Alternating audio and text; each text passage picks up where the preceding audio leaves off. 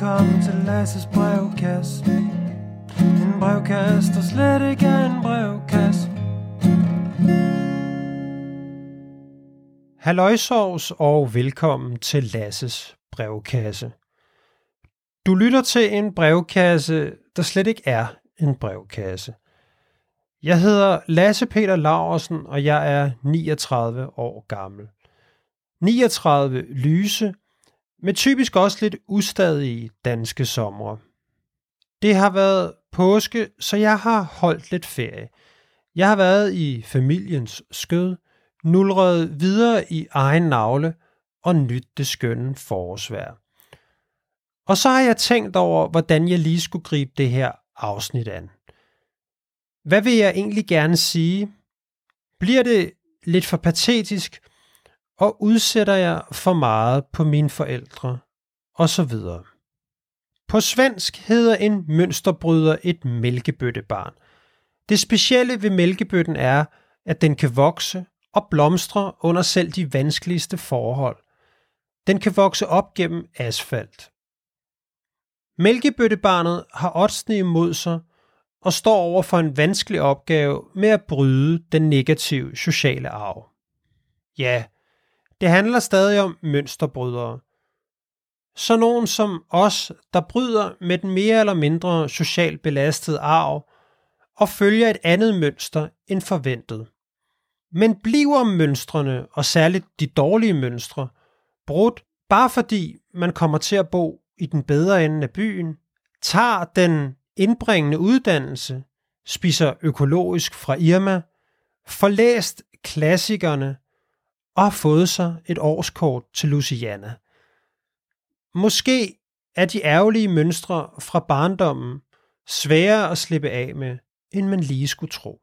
Og måske er de der stadig i fuld flor, når man kratter lidt i den fine fernis.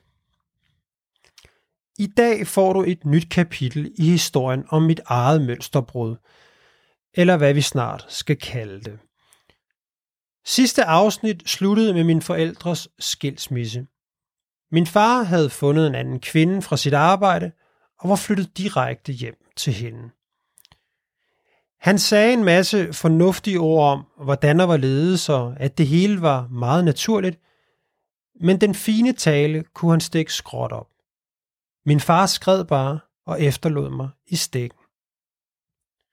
Jeg boede nu sammen med min mor alene – min mor var rasende over, at min far havde fundet en anden, og hun opførte sig ret primitivt, kan man vist roligt sige.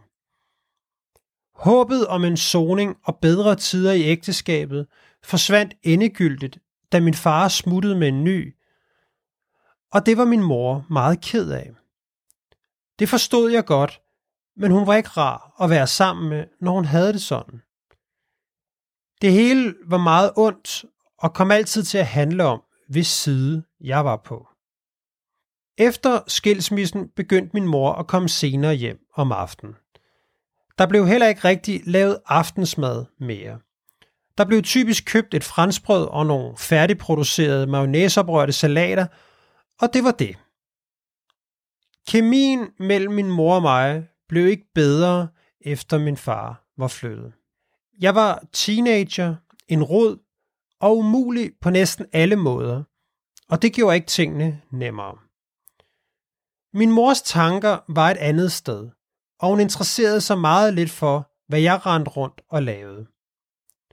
Så længe jeg var ren og pæn og ordentlig tøjet, så var hun glad. Og det var jeg egentlig ikke, men det var altså det, min mor gik op i. Når jeg rodede, spillede høj musik, kom sent hjem eller røg cigaretter på mit værelse, sagde hun, hvorfor kan du ikke være som de andre børn? Altså underforstået nogle fiktive, men naturligvis artige børn. Det synes jeg var noget mærkeligt noget at sige. Jeg var 17 år gammel. Jeg sad typisk foran min computer, hvor jeg byggede hjemmesider, læste om hacking, spillede spil, og der blev der også lavet lektier i ny og næ. Alt sammen, mens jeg kæderøg Røde Prins. Hvis ikke jeg sad foran min computer, var jeg sammen med mine venner eller min kæreste Jane. Jeg var typisk fuld torsdag, fredag og lørdag, enten til privatfest eller i byen. Jeg tænkte ikke så meget over, at forholdet til min mor var dårligt. Sådan skulle det sikkert være, når man var teenager. Min mor og jeg snærede for det meste af hinanden, og jeg talte grimt, og ofte også meget respektløst. Jeg synes, min mor fokuserede på alt det forkerte. Både omkring mig, men også i selve tilværelsen. Men jeg var for hård ved hende, og jeg brugte min veltalenhed til at jorde hende. Min far så jeg fast en gang om ugen. Hver mandag hentede han mig i hans gamle bussemandsfarvede Fiat Regatta. Så kørte vi lange ture, og jeg måtte få lige hvad jeg ville på forskellige fastfood joints. Det var hyggelige stunder med min far. Han havde et dejligt nærvær på Thomas hånd, og jeg glemte tit, at jeg faktisk synes, han var en fej kujon, når vi var sammen på den måde. Mine forældre talte ikke rigtig sammen i et års tid efter skilsmissen. Og når de endelig forsøgte at tale sammen, så handlede det om bodelingen. Men der var ikke en skid at dele. Og det kom typisk til at handle om familiebillederne fra fotoalbums og gamle stereoanlæg til 500 kroner. Det var ballade for balladens skyld. Men tavsheden mellem mine forældre og de sporadiske uforsonligheder blev for hård for dem begge. De havde jo børn sammen, og det hele blev lidt mærkeligt med fødselsdage og sådan. Så de fandt en mindelighed, som tiden gik, så de kunne være i stue sammen uden de større optrin. Min far forsøgte at introducere os til hans nye kæreste, Lis. Hun var sådan set sød og venlig nok. Hun var lidt forvirret og usikker, og vidste vist heller ikke, hvilket ben hun skulle stå på med ekskoner, nye vrede børn og sådan. Jeg tror, min far havde kendt Lis meget længere, end han annoncerede, da mine forældre blev skilt. Jeg følte, at han havde løjet mange af de år, hvor det gik dårligt mellem ham og min mor. Han havde fortalt historier om et meget krævende og travlt arbejde.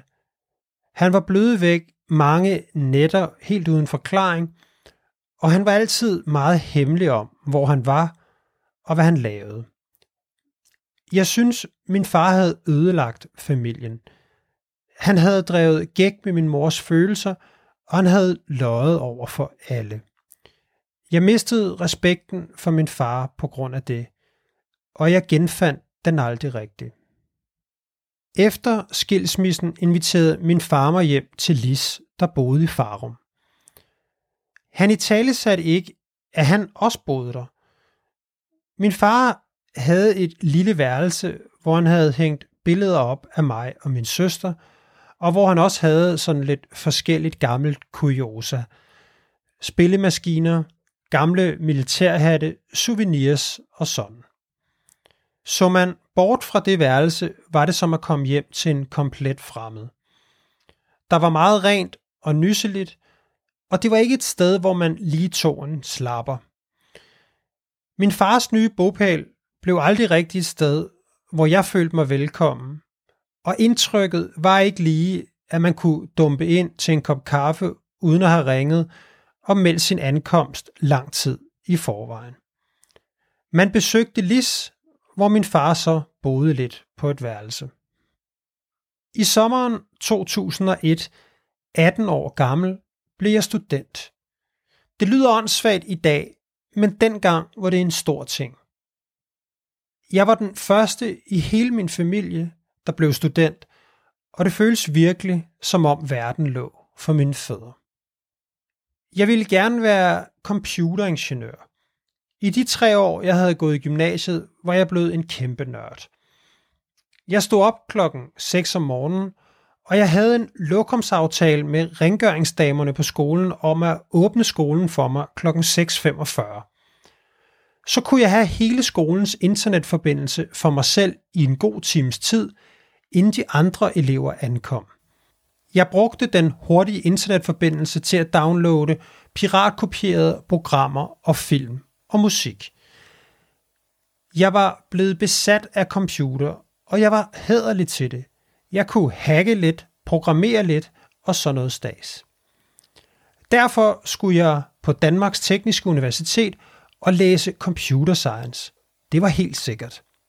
Men efter tre år med nørderi i gymnasiet i en klasse kun med drenge, var jeg ikke helt klar til at tage på DTU. Sammen med min gode ven fra gymnasiet, Daniel, tog vi på handelsskolen i Ballerup.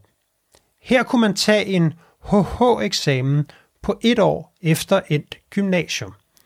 Rygtet sagde, at det var skide let, og at der var oceaner af lækre damer. Vi ville væk fra nørderiet, munkefesterne og den tunge drengehørm. Og det kom vi. Rygtet talte sandt. Der var masser af piger, fagene var nemme, og jeg havde en sand badeferie rent lektiemæssigt i et helt år. Vi havde det skideskægt, og som tiden gik, brugte jeg mindre og mindre tid foran computeren, og mere og mere tid på at pludre løs og feste non-stop. Vi tog på studietur til Kina, og vi drak os ekstremt fulde allerede på flyveren fra Kastrup. Og sådan blev vi ved i mere end en uge i Beijing. Selv lærerne var stive på den tur. På handelsskolen i Ballerup havde jeg en lærer, som var skide sjov. Han hed Morten, og han brugte altid kriminelle eksempler i sin undervisning. Han underviste for eksempel i selskabstømning eller momskaruseller. Han forklarede, så alle sad med åben mund og polyper, og på den måde fik han listet virksomhedsøkonomi og andre merkantile fagligheder ind i vores unge hjerner. En dag startede Morten undervisningen med en lille, skal vi kalde det en slags TED-talk. Han sagde, at hvis man ville noget her i livet og tjene kassen samtidig, så skulle man på CBS, Copenhagen Business School. Jeg havde aldrig hørt om CBS før, men hvis det var bare halvt så sjovt, som det havde været på Handelsskolen i Ballerup, så var jeg helt klar. Jeg vil ikke tilbage til mere drengehør, så CBS måtte have en ansøgning i stedet for DTU. Men jeg var blevet 19 år gammel, og der var værnepligt i Danmark. Jeg var til session, trak nummer, og der var ingen tvivl. Jeg skulle i militæret på den ene eller på den anden måde. Jeg søgte om tre måneder i beredskabskorpset, så det hurtigt ville være overstået. Men en lørdag morgen, da jeg lå og sov en kæmpe brændert ud, bankede det på døren. Der stod et postbud med et rekommenderet brev. Kamptropperne, 12 måneder, den kongelige livgarde. Jeg blev student for anden gang i sommeren 2002. I december samme år stod jeg på Høvelte Kaserne i Birkerød til tonerne af Status Quo, You're in the Army now. Oh, oh, you're in the Army. At komme i Livgarden var et kulturschok. Efter handelsskolen havde jeg fået mig et fuldtidsjob i et IT-firma. Jeg havde gode venner, og jeg havde en kæreste. Alt var maligt og nemt. Men som rekrut i Livgarden skulle man sove på kasernen alle hverdage. Efter en uge i trøjen gik min kæreste fra mig. Det var jeg ked af, og jeg havde Livgarden. Jeg blev kommanderet rundt med, jeg blev råbt af, og det havde jeg det meget svært med. Jeg var dårlig til at være soldat. Jeg svarede befalingsmændene igen, og jeg havde svært ved at gøre, hvad der blev sagt. Jeg overvejede at blive militærnægter, og var tæt på at skride mange gange. Men jeg havde også svært ved at give op. Min farfar var stolt over, at jeg var kommet i livgarden, og ham ville jeg helst ikke skuffe. Jeg anede ikke, hvad jeg skulle gøre. Jeg vil gerne væk, men jeg vil også gerne have æren i behold. En dag svarede jeg en sergeant ret grimt igen. Min delingsfører kom over og sagde, at jeg skulle følge med ham.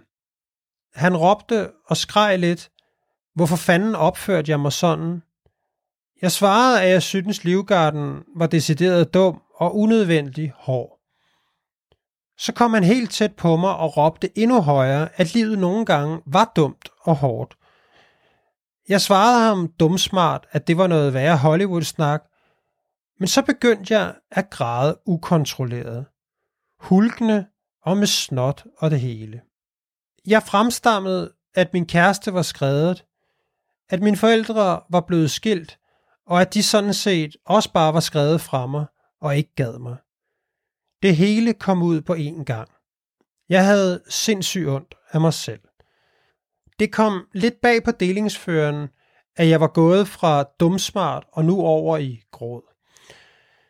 Han lagde en hånd på min skulder og fortalte om hans enorme afsavn til hans kæreste og deres lille nyfødte barn. Han fortalte, at han var redselslagen for at miste det hele, fordi han altid var så meget væk. Han sagde, at jeg bare kunne gå op på kontoret, melde mig ud, pakke mine ting og tage hjem, hvis jeg ikke gad mere. Men han sagde også, at han syntes, jeg skulle blive. Han var sikker på, at jeg ville blive rigtig glad for Livgarden, hvis jeg gav det en færre chance og respekterede de gamle regler, der var på stedet. Det fik han ret i. Den kongelige livgarde var en hård affære, og jeg blev indberettet et hav af gange for mine rappe replikker, men det var et helt fantastisk år. Jeg blev venner med landmandssønner fra Jylland, for hvem det var en meget stor ære og en tradition gennem generationer at tjene i garden og få rikserne på skuldrene.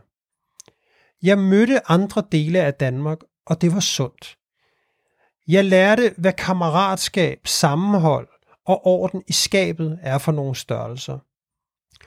Jeg startede som en kritiker af det hele, men jeg sluttede med at gå vagt i blå uniform for dronningen med stolthed malet i panden. Min mor begyndte at date nye mænd. Det var som regel den samme type. Lidt ældre end hende, ren og nysselig i tøjet og med en Mercedes i garagen. Min mor elskede at danse, feste og holde hof. Jeg tror aldrig, hun fortalte de nye mænd om hendes personlige bagage. Både min mor og far pakkede alt det, der ikke lige passede til glansbillederne væk. Langt væk. Vi skulle hygge os, som det hed så. Og sådan var det også med skilsmissen. Til trods for den enorme dramatik, der havde været i mine forældres ægteskab, volden, de forfærdeligt grimme ord, alle løgnene og den evindelige usikkerhed og uro. Vi talte ikke om det. Det var som om det aldrig var sket. Nu skulle vi bare hygge os og fokusere på det gode. Der blev aldrig sat tid af til at tale tingene igennem, zone og få et lille plaster på de åbne sår. Det blev alvor med en af de mænd, min mor datede, og hun fik en ny kæreste. Prompte flyttede hun de facto op til ham i et velhaverkvarter nord for København. Derfra var min mor aldrig rigtig hjemme mere. Hun sagde direkte, at jeg alligevel aldrig var hjemme, så det behøvede hun heller ikke at være. Alle højtider, påske osv. foregik nu todelt.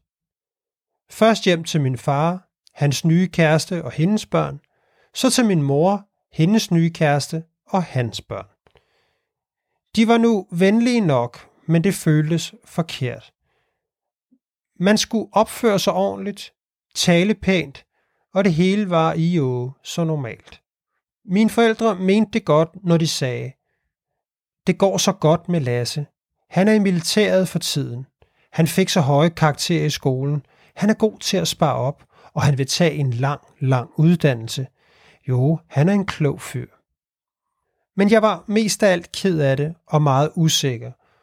Og det forstod mine forældre vist ikke. For jeg havde lært at pakke det væk og skjule det, som også de skjulte ting, der ikke var så gode. Og der ville alligevel ikke være nogen, der havde lyst til at høre om det, tænkte jeg. For så ville jeg ødelægge min forældres nyfundne ro og den såkaldt gode stemning. Vi talte aldrig rigtigt om moral og værdier hjemme hos os. Mine forældre havde ikke en mening om rigtigt eller forkert. Alt var på en eller anden måde i orden. Havde jeg for eksempel kriminelle venner, så var det egentlig okay. Mine forældre sagde måske, at dem skulle jeg passe lidt på.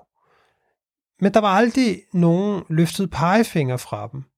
Også selvom de godt vidste, at jeg lavede en masse snavs. Vi talte aldrig om, at jeg havde stjålet og var ind i retten.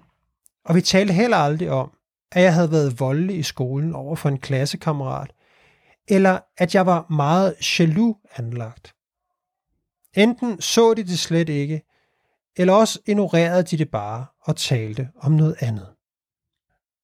Jeg tror, mine forældre følte sig skyldige over, at de havde svigtet med deres vindelige konflikter og konsekvenserne af dem. Mine forældre kunne ikke hæve sig selv, for det havde de simpelthen for dårlig samvittighed til. Jeg tror, jeg følte, at min mor og far ikke rigtig gad mig. At de var sammen med mig mere af pligt end af lyst. At jeg kun var noget, når jeg fik ros af andre, men ikke rigtig noget i mig selv. Når jeg kom hjem fra skole, fra arbejde eller fra militæret, spurgte min far mig altid, om jeg havde fået ros i dag. Det var nok bare en humoristisk og velmenende talemåde, men sådan føles det ikke. Efter de blev skilt, blev den følelse kun værre. Mine forældre havde aldrig tid, og når de endelig havde tid, så var det altid på deres præmisser. Jeg kunne få nogle timer om mandagen og sådan. Det var altid fastsat i skema og rammer, som når man bestiller en tid til frisøren. Aldrig umiddelbart let og roligt. Man var et punkt i deres kalender, og tiden fik aldrig lov at flyde i deres selskab. Mine forældre blev meget ubehageligt til mode, hvis jeg forsøgte at spørge ind til, hvad de lavede med deres nye kærester. Det ville de have for sig selv. Og deres nye kærester blev heller ikke i talesat som kærester. De var en slags venner. Og særligt min far gjorde meget ud af at fortælle, at hans kæreste Lis, ja, hun var faktisk bare en ven, han kunne splitte huslejen med. Det var ubehageligt at spørge mine forældre om noget, fordi de altid svarede som om de var under forhør, hvis man spurgte ind til deres liv. De var mest trygge ved at tale om andre og om vind og vejr. Derfor stoppede jeg også med at spørge, for det var ikke rart. Mit eget moralske kompas var dårligt. Fik jeg tilbudt hælervarer, købte jeg dem uden skrubler, og jeg solgte piratkopierede DVD'er for at tjene lidt penge. Jeg havde aldrig fokus på, om det var rigtigt eller forkert, mere om jeg kunne blive opdaget eller ej. Jeg var ikke en slagsbror som sådan, men jeg var god til at true. Hvis nogen ville banke mig, hvad der ofte var, fordi jeg var provokerende, troede jeg med min søsters kæreste og hans mange albanske brødre, eller fiktive bander og tæskehold fra Ballerup, der ville komme og banke folk sønder og sammen. Mine løgne var gode, for truslerne virkede, og på den måde undgik jeg næsten altid tæsk.